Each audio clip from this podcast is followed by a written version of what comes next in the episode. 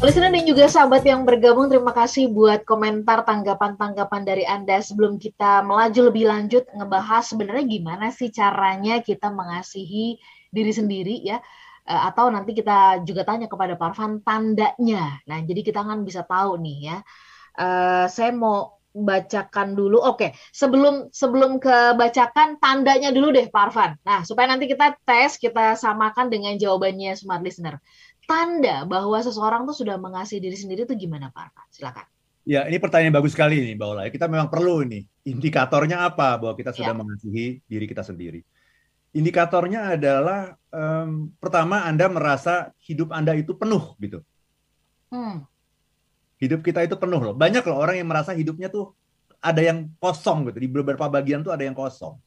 Iya. Jadi dia harus merasa hidupnya penuh gitu. Ya, yang kedua orang yang mengasihi diri sendiri itu selalu melihat segala sesuatu itu dengan penuh cinta gitu. Mhm, mhm, mhm. Gampang uh, mendekati orang, gampang berhubungan dengan siapa pun karena mindsetnya gitu. Mindsetnya selalu melihat segala sesuatu itu dengan cinta. Kenapa? Karena dia sudah terbiasa mengasihi dirinya gitu. Sudah terbiasa dia dengan dengan mindset kasih itu sudah biasa melihat dengan mindset kasih gitu. Jadi ketemu sama atasan yang nyebelin gitu, kemarin kelihatannya nyebelin gitu, tapi ketika dia sudah uh, mengasihi diri sendiri, dia akan melihat justru atasan ini adalah uh, fasilitas bagi saya untuk bisa naik level. Justru atasan inilah tangga bagi saya untuk bisa mencapai apa pun yang saya inginkan di sini. Melihatnya udah udah mulai beda gitu. Ya. ya. Melihat bawahan misalnya yang tadinya ini oh anak ini kerjanya nggak pernah beres gitu ya dibilangin apa juga nggak kena gitu. Ketika kita sudah punya mindset mengasihi diri ini, kita akan mulai memperlakukan dia dengan cara yang berbeda gitu. Oh iya ya, uh, ini bawahan ini sesungguhnya adalah uh, tools bagi saya, alat bagi saya gitu uh, untuk bisa bekerja gitu. Tanpa dia nih saya nggak bisa nggak bisa apa-apa nih. Sepintar apa pun saya, saya nggak bisa ngapa-ngapain kalau tidak ada bantuan dari dia. Dan untuk bisa membuat dia mau bantu saya, kerja nggak hitung-hitungan, saya harus menyayangi dia gitu. Ya, jadi pada akhirnya kita akan uh, menjadi orang yang seperti itu. Kalau kita mulai dengan mengasihi diri. Jadi mengasihi diri itu nanti ketika kita lanjutkan terus nih ujungnya nanti mulai mengasihi orang lain, Mbak Ola. Oke. Itu tanda yang paling kelihatan ya. Artinya ya. Uh, ketika kita punya uh, apa namanya indikatornya sangat jelas gitu. Kalau kita sudah mulai mencintai diri sendiri, sudut pandangnya tuh berubah gitu ya tentang ya. sesuatu yang dianggap orang musuh, terhadap sesuatu yang dianggap ini adalah uh, apa ya batu sandungan gitu. Justru yang buruk-buruk itu ketika dirubah kita menganggap bahwa ini adalah guru, ini adalah uh, pisau gitu yang menajamkan gitu ya, yang membuat me menjadi stimulus lah tadi seperti yang disampaikan oleh Pak Arfan ya untuk kita ya. terus bertumbuh ya. Oke, kita kunci nih sampai di situ. Kita coba cek kepada smart listener, benar nggak nih ya? Ada Ibnu Rini, saya sudah mengasihi diri sendiri dengan hidup dalam keseimbangan ya. Kerja cerdas secukupnya, kerja cerdas secukupnya, oke? Okay? Istirahat yang cukup, memelihara relasi dengan keluarga, teman dan orang lain secukupnya ya mengasihi Tuhan yang ada di dalam diri saya sesama dan alam semesta. Oke. Okay. Ini menarik nih kalimat secukupnya, Ada Pak Gunario, mencintai diri sendiri bukan suatu kesombongan dan keegis, uh, keegoisan, tapi ini terjadi secara alami atau kodrat. Konsep mencintai diri sendiri adalah tidak akan mengambil keputusan yang akan merusak apa yang telah diberikan Tuhan kepada kita. Oke, okay. itu dari Pak Gunario. Fajar di Depok, selamat pagi Pak Arfan, salam bahagia. Seberapa besar faktor usia mempengaruhi keinginan kita untuk tetap terus bertumbuh? Biasanya di usia-usia tertentu kita merasa udahlah udah tua, nggak mungkin lagi lah gitu ya. Atau ini sebenarnya harusnya pemikiran sepanjang hidup kita begitu. Oke, uh, tiga itu dulu Pak Arfan, monggo boleh direspon Pak. Ini bagus sekali pertanyaan-pertanyaannya ya. Tadi dari siapa Ibnu Rini ya. Ibnu Rini. Rini ini laki-laki atau perempuan ya? Uh, kalau dari fotonya sih perempuan. Perempuan ya, oke. Okay. Perempuan. Ya Mbak Rini berarti ya. Uh, betul sekali Mbak Rini ya. Jadi yang saya bilang penuh itu apa sih gitu ya? Penuh itu adalah kalau setiap ruangan yang kosong itu terisi gitu. Nah kita harus tahu dulu ruangan dalam yang kosong tuh apa gitu. Ruangan yang kosong itu apa? Ruangan dalam diri kita itu ada apa? Apa saja? Ada empat ruangan. Kan kayak kalau rumah, rumah itu ada ruang tamu, ya ruang kan? Makan, tidur, ruang makan, tidur, kamar tidur, gitu. Kamar mandi, gitu ya. Iya. Nah itu kan kalau rumah. Nah kalau tubuh kita ini dianggap sebagai sebuah rumah juga, ruangannya itu ada empat, mbak Ola. Empat-empatnya itu harus kita harus kita isi gitu. Karena kalau kita tidak isi, akhirnya jadi kosong. Nah, ruangan-ruangan yang kosong itu yang sering kali membuat hidup kita itu hampa gitu. Nah, apa saja empat ruangan itu? Satu, ruangan yang namanya ruangan fisik. Gitu. Hmm. Jadi tubuh kita secara fisik ini ini harus kita kasihi, harus kita rawat, harus kita jaga, harus kita cintai gitu. Ya, apa itu yang secara fisik? Misalnya kita harus makan yang cukup, makan yang bergizi, makan secukupnya, benar ya, jangan berlebihan makan secukupnya, makan yang bergizi. Kalau sudah kenyang jangan dilanjutkan, gitu kan? Karena makanan makanan itu kan sebenarnya obat gitu. Tapi ketika kita sudah kenyang masih makan, makanan itu akan menjadi racun bagi tubuh kita. Jadi nomor satu adalah secara fisik, ya makan yang eh, bergizi. Kemudian apalagi eh, tidur yang cukup. Nah ini orang yang kurang tidur nanti akan mendatangkan banyak penyakit. Ya tidur yang cukup. Kemudian eh, olahraga juga penting ini. Tubuh kita tuh harus di latih ini. Tuhan memberikan kepada kita otot-otot. Otot itu harus dilatih gitu. Ya. Jangan stres. Ya, itu ya. Nah, kemudian ruangan kedua dalam diri kita kita juga harus paham itu yang namanya ruangan emosional. Emosional itu apa sih? Emosional itu adalah berkaitan dengan hubungan-hubungan kita dengan orang lain. Ya. Stakeholder stakeholder yang penting dalam hidup kita. Ya. Siapa itu? Mulai dari keluarga inti kita, orang tua, Betul. kemudian pasangan kita, anak-anak kita, ya. saudara, eh, kerabat dekat, teman-teman dalam pergaulan, teman-teman di kantor. Teman-teman di kantor itu kan ada atasan, ada anak buah, ada rekan kerja, ada customer juga, ya kan? Ya. Jadi kita harus tahu itu. Kita punya sekian banyak stakeholder dalam hidup kita, orang-orang penting dalam hidup kita, baik dalam kehidupan pribadi maupun dalam pekerjaan itu siapa saja dan kita harus punya hubungan baik dengan mereka gitu. Nah, ruangan yang ketiga dalam diri kita adalah yang namanya mental. Nah, itu. Mental itu apa sih? Mental adalah ruangan untuk bertumbuh, untuk growing gitu. Jadi kita harus selalu mendapatkan tantangan, nggak boleh melakukan pekerjaan dari itu ke itu saja, karena akan membuat kita bukan semakin pinter, tapi semakin uh, stuck gitu ya, semakin ya. tidak berkembang gitu. Jadi kita harus cari sesuatu yang menantang harus cari sesuatu yang belum pernah kita lakukan. Harus cari sesuatu yang kita pikir kita nggak bisa melakukannya. Ada banyak sekali orang yang dengan atas nama mengasihi diri, menghindari pekerjaan-pekerjaan semacam ini. Padahal hanya pekerjaan inilah yang akan membuat dia jadi orang besar. Kalau dia mengasihi diri sendiri, mestinya dia justru melakukan sesuatu yang belum pernah dia lakukan selama ini. Karena yang sudah pernah dia lakukan, dia sudah tahu hasilnya adalah saya yang seperti ini itu adalah hasil dari apa yang sudah saya lakukan. Kalau saya ingin bertumbuh, saya ingin berkembang, ingin sukses, lakukan yang belum pernah saya lakukan. Nah, yang keempat, yang terakhir, ruangan yang terakhir adalah uh, ruangan spiritual. Nah, ini ini juga sering kali kita lupa. Apa itu ruangan spiritual? Kita menjaga koneksi kita dengan Sang Pencipta, hubungan kita dengan Tuhan. Caranya bagaimana? Diatur oleh ajaran agama kita masing-masing. Itu ada semua aturannya lengkap, jelas. Juk, uh, juklak dan juknisnya gitu ya. Ya. Nah, lakukan itu sehingga Anda merasa penuh gitu. Jadi merasa penuh itu adalah kalau keempat ruangan dalam diri Anda itu terisi semuanya gitu. Ya. Nah, itu uh, untuk ignore ini. Baik.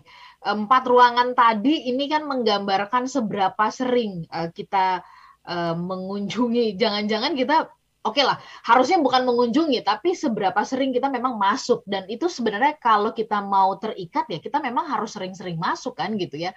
ya. Tapi alih-alih masuk banyak orang yang bahkan um, mampir aja nggak pernah gitu loh, Pak Iya iya iya. ya kan mampir saja tidak pernah. Nanti kita bahas kalau begitu bagaimana caranya kita mencintai diri kita sendiri nih, Pak Arfan ya triknya dari sudut pandang uh, happiness ya. ya. Kita sambung bahasanya nanti untuk satu sesi yang terakhir. Uh, terima kasih untuk uh, Ratno Rai di YouTube Pak Arfan ada sebuah pertanyaan salam mengasih orang yang nggak mau menikah karena takut dia nanti pasangan ini termasuk orang yang uh, mengasihi diri sendiri atau bagaimana Pak Arfan? Mengasihi atau mengasihani nih? Ah, iya. Mengasihani nih. Tapi oke nanti kita minta jawaban dari Pak Arfan ya, uh, Bung Ratno ya. Kami jadi sesaat untuk satu sesi yang terakhir. sahabat yang bergabung, terima kasih buat Anda yang menyimak kami melalui streaming ya. Dan ini ada uh, muncul di berbagai kota, bukan cuma saja di Indonesia, tapi juga di luar negeri nih ya. Terima kasih buat Anda yang mendengarkan kami di Oklahoma ya, kemudian juga di uh, Amerika ya, di New York. Terima kasih sedang mendengarkan kami di kesempatan pagi hari ini. Kemudian uh, saya juga ingin menyapa semua listener yang uh, pagi ini ya menyaksikan kami di YouTube di kanal Smart FM. Senang banget bisa berjumpa dengan Anda. Meskipun kita nggak bisa melihat wajahnya Smart Listener ya, Pak Arfan ya, tapi kita ngebayanginnya dekat-dekat dengan kita gitu ya. Uh, terima kasih loh ya sudah bersedia menyaksikan kami di YouTube. Hati-hati kalau sambil berkendara ya. Kita sambung bahasannya. Ini masih dalam kaitan apa beda mengasihi dengan memanjakan diri ya. Uh, sebelum kita bagaimana ke pertanyaan tadi, bagaimana kemudian triknya dari sudut pandang happiness untuk bisa mengasihi diri sendiri? Pak Arfan, ada Pak Ratno, Bung Ratno di YouTube, mohon dibantu nih. Kalau yang nggak mau nikah gara-gara takut dihianati pasangan, mengasihi atau mengasihani nih menurutnya Pak Arfan? Silakan. Pertanyaan dari Bung Ratno tadi ya, nggak mau menikah karena punya pengalaman yang buruk, ya. E, menikah itu sesungguhnya adalah sunatullah sesungguhnya adalah uh, hukum alam, cara yang sudah fasilitas yang sudah diciptakan Tuhan untuk supaya kita bahagia gitu. Gitu. Nah, kalau kita punya pengalaman yang uh, negatif, jangan kemudian nikahnya itu yang dibatalkan gitu. Pengalamannya yang harus disembuhkan, traumanya yang harus disembuhkan gitu. Salah sekali dong kalau kalau kemudian kita eh, gara-gara uh, trauma kemudian tidak mau uh, menikmati fasilitas yang sesungguhnya sudah disediakan oleh Tuhan. Gara-gara misalnya kita sakit perut gitu ya, gara-gara sakit perut kemudian kita nggak mau makan. Hmm. Pokoknya berhenti nggak mau makan karena takut mau makan. perut. Gitu. Kemarin kemarin aku makan sakit perut. Coba uh, salah nggak itu cara berpikirnya? Salah. Salah. Yang harus di, di, disudahi, di, diselesaikan ya penyebab sakit perutnya apa sih? Oh, makanannya nggak bersih kalau begitu. nah itu dan seterusnya gitu ya. Iya. Jadi iya. itu analoginya kayak kayak begitu. Coba Pak Ratno, Bung Ratno ingat analogi itu. Iya, iya. Sakit perut terus nggak mau makan, salah nggak ya salah gitu. Iya. Sakit perut ya obati gitu ya. Seperti tadi, itu. Tadi, tadi waktu Pak Arfan apa eh, menjelaskan itu saya ngebatin ini kan kayak kita lagi urusan makan ya gitu. Eh Pak Arfan menjelaskan itu. Jadi ya sefrekuensi banget gitu ya. Iya iya iya betul betul. Oke, okay, kalau gitu Pak Arfan, bagaimana sih caranya kita mengasihi diri sendiri supaya nggak terjebak tadi ya kepada memanjakan ya? Silakan ya. Pak Arfan. Very good question. Jadi begini Mbak Ola, yang namanya kasih itu ada dua dimensi. Yang pertama yang namanya soft love. Ini kita semua sudah paham. Soft love itu itulah yang namanya memanjakan diri, itu soft love. Ya kan? Kita harus pakaian yang uh, cari pakaian yang bagus, merias diri gitu ya, mempercantik diri, pergi ke salon, boleh nggak itu? Boleh. Boleh. Hmm. Itu adalah bagian dari soft love. Makan yang enak, tidur yang nyenyak, itu bagian dari soft love. Sementara ada ada lagi satu bagian yang namanya tough love. Nah, hidup itu selalu mengandung dua dimensi. Ya, kalau orang Cina bilang itu yin yang itu. Selalu mengandung dua dimensi. Kalau hanya satu itu hidup kita tidak seimbang. Yang satu itu hanya Tuhan. Yang satu itu hanya Tuhan. Manusia itu harus selalu mencari keseimbangannya dengan mencari lawannya. Sehingga apa pun yang kita lakukan dalam hidup ini, kalau hanya satu unsur, yaitu tadi hanya soft love saja, kita tidak akan menjadi manusia yang seimbang. Nah, karena itu kita perlu satu lagi dimensi dalam yang namanya mengasihi diri itu adalah yang namanya tough love. Apa itu tough love? Memaksa diri kita untuk tumbuh, berkembang, menjadi orang yang disiplin. Dan disiplin itu tidak menyenangkan. Seolah-olah orang yang disiplin itu tidak mencintai dirinya. Karena harus bangun pagi, harus kerja keras, banting tulang siang malam, putar otak untuk mencapai kesuksesan, mencapai KPI-nya. Ya, melakukan pekerjaan yang dia belum pernah lakukan sebelumnya gitu. Itu kan susah gitu menjadi orang yang bertanggung jawab, menjadi orang yang apa yang dikatakan yang dilakukan sama, itu kan tidak mudah gitu. Yeah. Itulah yang namanya tough love. Yeah. Nah, orang yang hanya soft love saja. Jadi kalau tadi kita bicarakan mengenai memanjakan diri, memanjakan diri itu baru satu dimensi dari mengasihi diri, yaitu yang namanya uh, soft love. Nah, kita perlu satu lagi. Kalau enggak kita nggak akan ke mana-mana gitu. Kita akan jadi begini-begini saja gitu. kita perlu yang namanya tough love. Jadi soft love dan tough love itulah yang namanya mengasihi diri sendiri. Oke, okay. tough love tadi uh, bertujuan uh, ujungnya adalah oke okay, yang soft love adalah memberikan uh, kesenangan ya kegembiraan. Gak ada yang salah dengan hal itu. Itu baru tapi baru satu tahap. Tahap yang kedua tadi adalah membuat kita uh, bisa bertumbuh. Menjadi versi terbaiknya kita kan gitu? Ya Jadi, betul. yang bertanya Pak Arfan saya ya, bertumbuh ya. untuk untuk siapa? Bertumbuh untuk apa? Apa alasannya uh, saya harus bertumbuh? Yang begini aja udah oke okay, kok kayaknya Pak Arfan nah, mungkin Pak Arfan bisa membantu menajamkan ini. Silakan. Very good ya. Ini pernah kita bahas di talk show yang uh, beberapa bulan lalu ya. Kita itu ditakdirkan oleh Tuhan itu untuk menjadi the best version of ourselves. Itulah yang namanya takdir. Uh-huh. Uh-huh. Itu takdir. Tapi nasib adalah kita versi kita hari ini. Uh-huh. Jadi sebetulnya Ola Nurlija itu ada 10 versi gitu. Nah, takdirnya itu 10 versi. Kalau kalau Ola Nurlija sudah menjadi versi yang ke-10, itulah the best version of Ola Nurlija. Sayangnya sekarang Ola Nurlija baru jadi versi yang ketujuh. Nah, itulah Ola Nurlija saat ini gitu. Itulah nasibnya. Jadi kita harus mencapai takdir kita supaya ketika nanti kita menghadap Tuhan nanti, ketika kita berpulang ke rahmatullah menghadap Tuhan, kita akan bilang, ya Tuhan, ya Allah, aku sudah menjadi mencapai takdirmu yang terbaik. Aku sudah sudah jadi Ola Nurlija yang nomor 10 gitu, bukan yang yang nomor 7 lagi gitu. Nah, itulah sebabnya kita perlu bertumbuh gitu. Jadi tujuan bertumbuh itu apa sih? Tujuan bertumbuh adalah untuk menjadi diri kita sebagaimana yang telah ditakdirkan oleh Tuhan, yang diamanahkan oleh Tuhan gitu. Kita ini belum jadi yang the best version karena namanya saja masih human being. being. Iya. Masih continuous tense, masih terus bertumbuh. Jadi ya. harus terus bertumbuh. Caranya gimana? Itu tadi. Anda harus keluar dari comfort zone tapi yang namanya mengasihi diri sering kali diartikan sebagai comfort zone, zona nyaman, zona kesenangan gitu. Nah, itu yang harus kita luruskan. Yeah. Kita bukan zona bukan uh, comfort zone tapi growth zone. Zona pertumbuhan dan zona pertumbuhan itu adalah menjadi the best version of yourself. Hingga nanti ketika kita berpulang ke rahmatullah, Tuhan akan mengatakan apa? Good job, Van. Good job, Ola. Ya, mission accomplished Nah, itulah ya. pemahaman saya mengenai yang namanya husnul khotimah. Oke. Okay. Mengenai yang namanya akhir yang baik, happy ending dalam kehidupan kita. Ya, itu, ya. Bapak. Baik.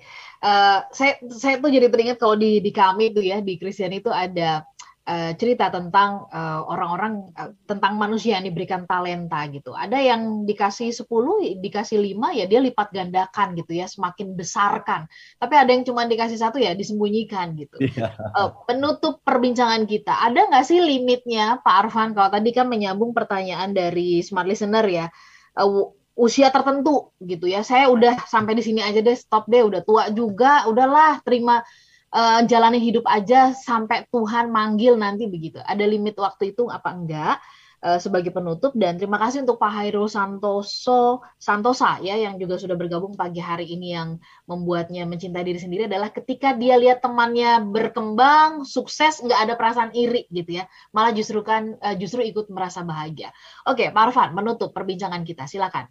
Terima kasih Mbak. Orang yang masih bicara usia dan menganggap usia sebagai keterbatasan adalah orang yang hanya melihat manusia sebagai makhluk fisik. Hmm. Oke. Okay. Padahal manusia bukan makhluk fisik. Manusia itu adalah makhluk rohani, makhluk spiritual yang berdiam dalam rumah fisik. Betul. Dan makhluk rohani, makhluk spiritual itu cirinya cuma satu, ya. unlimited. Unlimited. Infinity. Ya? Oke. Okay. Itu Mbak Ola. Baik.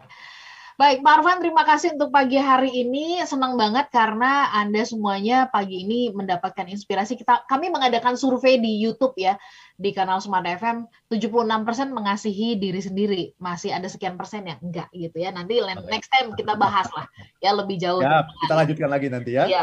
Pak Arfan sehat-sehat ya dan semua listener sekali lagi uh, dapatkan buku Love is the Answer ya dan Anda bisa kunjungi Tokopedia-nya Pak Arfan Pradiansyah ya atau bisa uh, hubungi nomornya ada di situ uh, WhatsApp eh sorry Instagramnya juga bisa anda cek ya. Kami pamit sehat-sehat untuk anda semuanya. Minggu depan kita jumpa kembali. Saya Lanur Lija. Dan saya Arfan Pradiansyah. If you wanna be, happy, be happy. be happy. Be happy. No. No